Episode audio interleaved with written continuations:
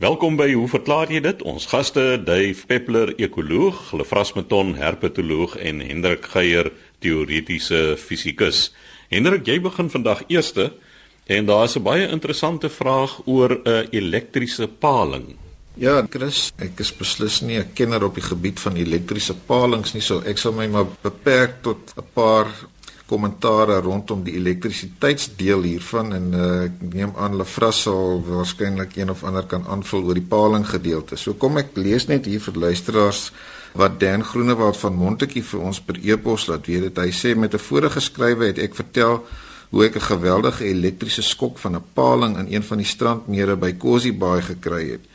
En dan verwys hy na 'n interessante artikel wat hy daaroor op Wikipedia gelees het onder andere waar dit aangedui word dat so 'n paling 'n skok van tot en met omtrent 680 volt kan genereer en nou vra hy of dit dan nie 'n manier is waarop 'n mens elektrisiteit kan soos hy dit stel sintetiseer of namaak nie want dit kon as 'n alternatiewe bron van skoon energie gebruik word.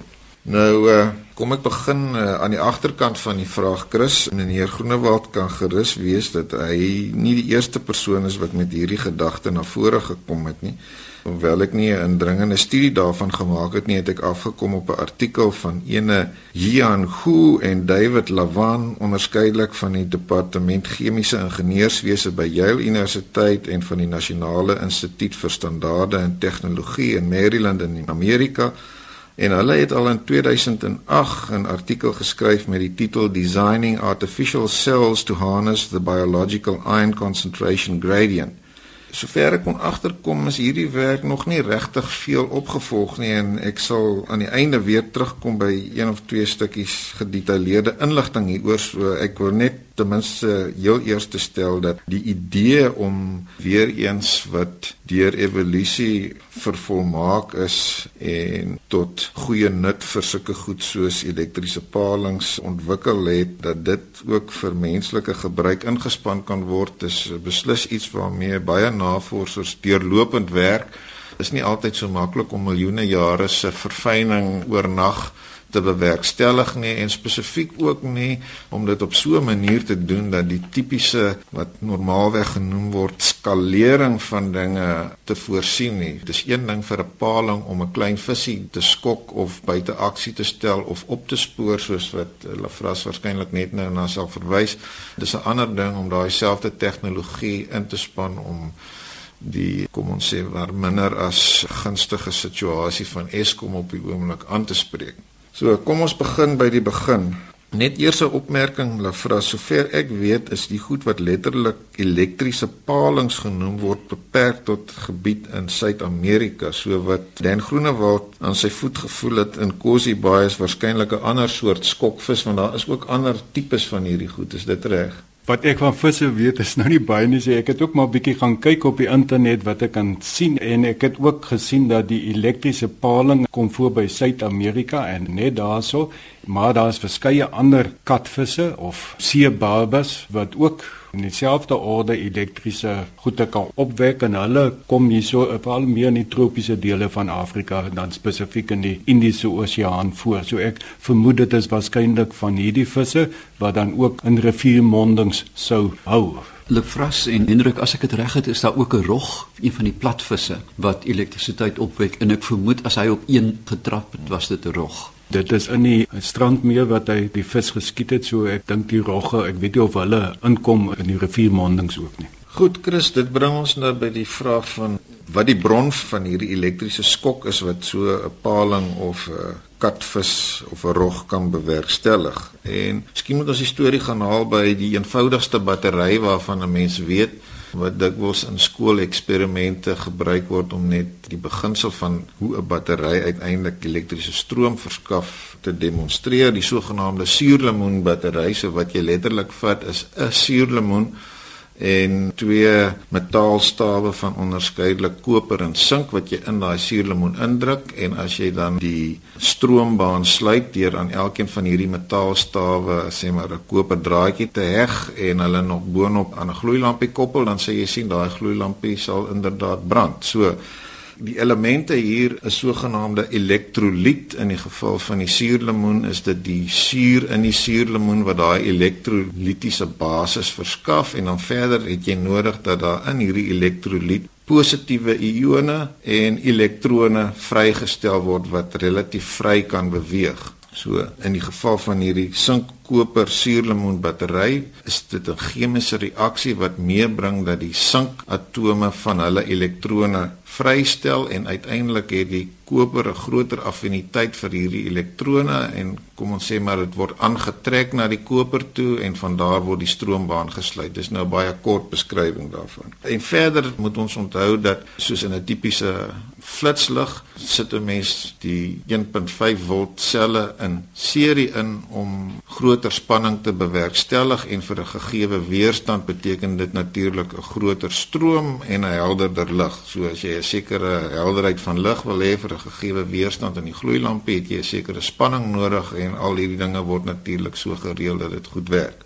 Nou, die situasie by so 'n paling is nogal ingewikkeld. Soveel sodat ek glad nie eers al die detail daarvan kon absorbeer terwyl ek nou my pad deur hierdie paling probeer vind dit nie dit kom in eerste plek daarop neer dat so 'n paling in sy lyf 'n reeks van wat genoem word elektrositiese selle het. Dit is letterlik nou selle wat elkeen omtrent of potensieel van die orde van 0.1 tot 0.15 volt kan genereer en so 'n paling het omtrent 5 tot 6000 van hierdie selle in serie geskakel En as jy die sommetjie gaan maak, kan jy agterkom dat as jy 56000.1 vermenigvuldig, dan kom jy by hierdie syfer van omtrent 600 volt uit wat so 'n paling of katvis die omvang van die spanning of skok wat so 'n vis kan bewerkstellig. Nou die deel van die organisasie wat evolusie nou reg gekry het is om te sorg dat al hierdie selle wanneer dit nou regtig nodig is gelyktydig as dit ware vuur want anders sal die hele besigheid nie in groot genoeg spanning kan oplewer nie en gewone kommunikasiekanale in enige lewende wese is te stadig dat dit gelyktydig na al hierdie goed deur die gewone senuistelsel of op die gewone manier kan gebeur. So lyk my die paling het 'n spesifieke manier van kommunikasie deur sy senuistelsel ontwikkel om as dit ware al 5 tot 6000 van hierdie elektrositiese selle gelyk te aktiveer. Nou dit kry reg en soos in die geval van die suurlemoenbattery het ons nou nodig dat lading geskei word. Neutrale ladings kan nie 'n stroom, elektriese stroom bewerkstellig nie. Ons het positiewe of negatiewe elemente, positiewe ione of negatiewe elektrone nodig wat uiteindelik tussen twee punte vloei om elektriese stroom te bewerkstellig. En in die geval van hierdie uh, elektriese paling tipe diere of visse word daar positiewe natrium en kalium ione deur 'n skeidingsmembraan gepomp en dit bewerkstellig dan 'n skeiding tussen positiewe en negatiewe ladings wat die basis vorm daarvoor dat elkeen van hierdie selle uiteindelik as 'n klein batterytjie kan bewerkstellig. Nou hoe gebeur dit? Kortom lyk dit vir my kom dit daarop neer dat as die bevelsyn van die vis se brein ons neem aan hy het 'n redelik gesofistikeerd genoeg brein om hierdie ding te kan doen as die sein kom dan word wat genoem word 'n wolkie van asetielkolien vrygestel. En wat hierdie chemiese samestelling reg kry is om 'n sogenaamde lae weerstandpad te bewerkstellig tussen die binne en die buitekante van hierdie sel deur die membraan. So daar is nou 'n spesifieke meganisme wat in werking gestel word om hierdie ionverspreiding wisse kante van die membraan te bewerkstellig en so stel jy dan nou uiteindelik die komponente van die battery as dit ware op met die resultaat dat daar op die ou einde aan wat genoem word die geaktiveerde deel van hierdie sel die negatiewe lading sit en aan die ander kant waarheen die positiewe ione gemigreer het, is dit dan inderdaad positief. So op hierdie manier kan die paling dan nommer 1 al 5 of 6000 van sy elektrisitiese selle as dit ware gelyk laai En nou hier is die interessante stukkie inligting en dit verklaar ook of sal ook 'n goeie aanduiding gee van waarom of die vraag of so 'n skok van so 'n paling of 'n rogvis vir 'n mens dodelik kan wees. Daai 600 volt kan inderdaad omtrent 'n 1 ampere stroom bewerkstellig maar net vir 2 millisekondes. En ek dink dit is die sleutel tot die vraag of 'n mens hierdie proses maklik sou kan opskaal om 'n sogenaamde groen bron van elektriese energie te wees. En dit lyk vir my weet die kruks van die saak sal wees om hierdie prosesse so te omvorm dat hulle oor langer periodes konstante stroom kan lewer. Anders is dit nie 'n sinvolle manier om batterye van een of ander aard te visualiseer nie. Oor die kwessie van wat die effek van hierdie stroom op 'n mens sou kon wees, is dit tog interessant om net daarna te verwys dat as 'n mens gaan kyk na die soort stroom waarop die menslike liggaam reageer, dan kan 'n mens by omtrent 0.01 ampere wat genoem word 'n fase sensasie van elektrisiteit agterkom tot en by omtrent 0.1 ampere kan dit 'n seer of 'n pynlike skok wees. Tussen 0.1 en 0.2 ampere is dit gewoonlik 'n dodelike skok, maar snaaks genoeg bokant 0.2 ampere tot by omtrent 1 ampere kan 'n mens wel erge brandwonde opdoen en asemhaling kan stop.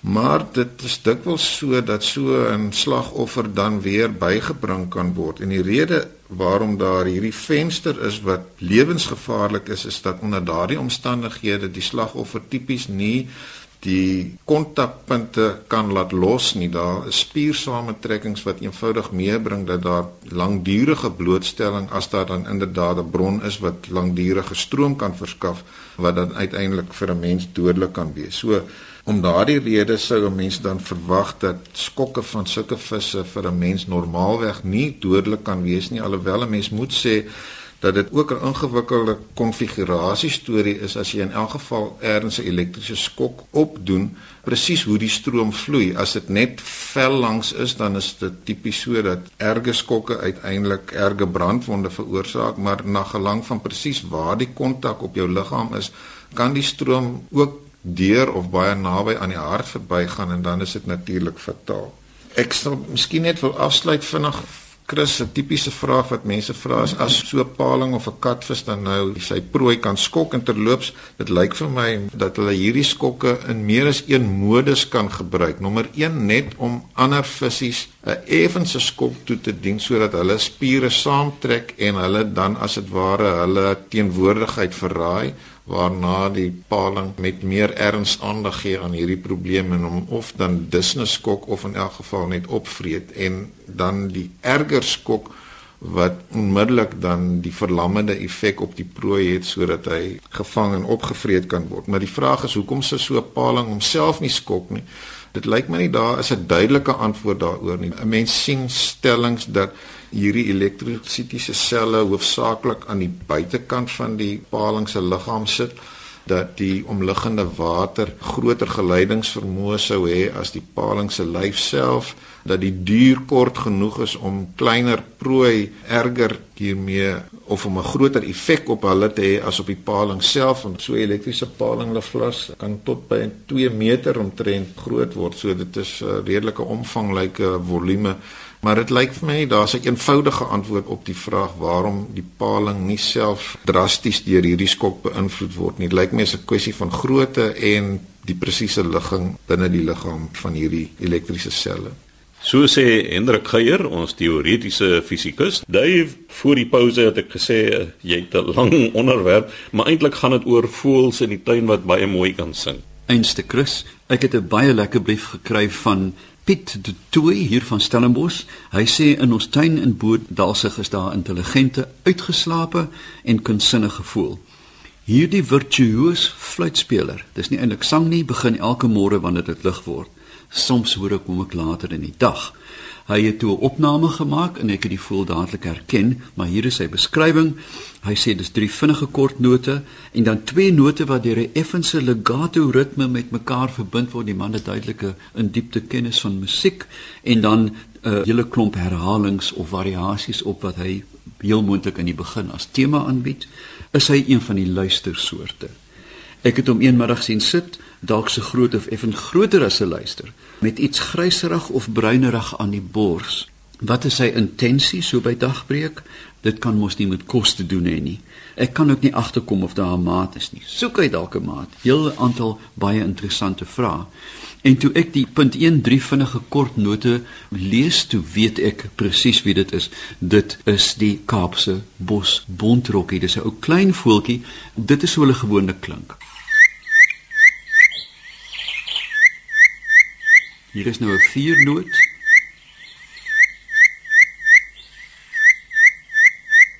Dis die een, man, in die somer kom die mannetjies bymekaar wat die Engelse noem in 'n Baptist parliament. Dan sit daar 4 of 5 in 'n kring en hulle skree vir ure vir mekaar so.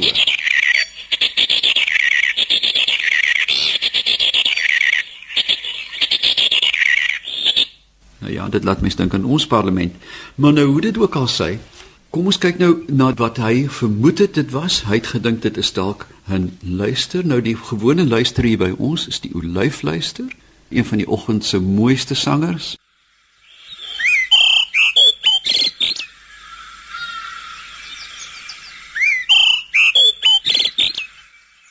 En dan natuurlik ook ons gewone Jan Frederik.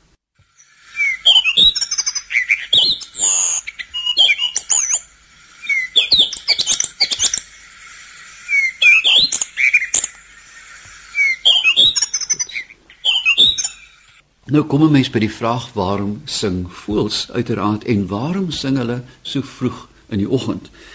Voor ek daarna gaan wil ek net probeer verduidelik dat elke voëlsoort het uiteraard 'n eie soortige klank. Daar is uiteraard nabootsers, maar dan is daar een voël wat in Australië voorkom, die pied butcherbird, wat na my mening die Pavarotti van tuinvoëls is omdat hierdie voël elke dag begin met 'n tema en elke dag daarop nuut varieer. Maar luister, ek gaan dit bietjie lank aanhou, 'n minuut en 'n half. Dit is van die mooiste en aangrypendste voëlsang aan my bekend.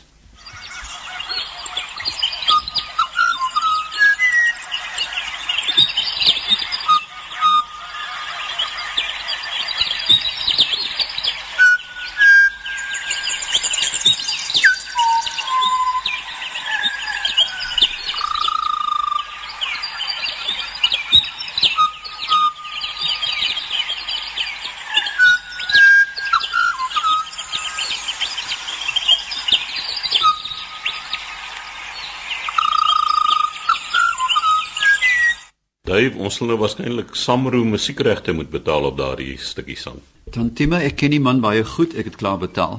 Hoe dit ook al sê, hier is 'n lieflike voorbeeld van innovering, musikale innovering van 'n voël wat elke dag sy liedjie aanpas. Nou, dit is so uniek dat die Engelse blackbird wat ook 'n turdus, een van ons luisters is, dat in dorpe in Europa, veral in Duitsland, kan jy net aan die opname die dorp bepaal want elke dorp het sy eie blackbird dialek. So as 'n voël rondvlieg en hy gaan sit in 'n ander dorp, kan hulle sê, "Ah, jy kom van Wellington af." Jy weet, ons kan dit hoor aan jou stem. Hoe dit ook al sê, oggendgesang is wêreldwyd bekend en die baie interessante aspek hiervan is dat dit het te maak met die akkuïteit van die voël se oog voeloë het 'n verdigting van ligstafies agter wat hulle noem die fovea. En hoe groter en digter die fovea is, hoe vroeër sing jy. En die rede daarvoor is baie eenvoudig. Jy sal ongelooflik dom wees om op jou tak te sit en begin sing as jy nie kan sien wie aankom nie. En dit beteken jy kan nie jou skuilings of jou territorium dan weggee deur sang en die uil vreet jou op nie of 'n ander roofvoël nie. Met ander woorde, hoe beter jy kan sien, hoe vroeër sing jy wonderlike vinding onlangs. Dit het te doen met territoriumbepaling. Jy sit op die tak en sê dit is my plek, bly weg. Of 'n territorium vir nesbou of een vir 'n voedingsnis. As jy in 'n olyfboom gaan sit hier in die herfs vol vruggies, dan sing jy hard en sê bly weg, dit is my boom hierdie. Dit het nie net te maak met die stembande van die voël nie, maar ook ander geluide. Houtkappers byvoorbeeld kap ritmes uit om hulle self ver te laat hoor. Snippe vlieg hoog bo hulle territorium met die Engelse woord bestaan bekend as drumming. Nou daar's 'n legende in die Weskus, die fly merry, 'n verskriklike ding wat saans jou hare vleg en jou byt en die dood bring, is eintlik 'n snip. Ek het een aand gestaan op die Gifberg want die boer het my laat kom daar was groot hysterie oor die vleimerie En toe die vleimerrie natuurlik die geluid kom was daar uitgerekte tipiese Kaapse o, ja, en almal het weggehardloop en toe was dit uit net 'n snip. Mens kry ook kalkoene wat hierdie doem doem geluide maak, volstruise wat boom geluide maak. Nou dit het alles te maak met sy omgewing. As jy in die woestyn woon, dan moet jy lae frekwensies gebruik wat nie geattenueer word nie. As jy in 'n kroondak woon, dan moet jy hoë frekwensies wat direksioneel is gebruik, maar gou hulle krag verloor Hendrik, jy sal dit beter as ek verstaan.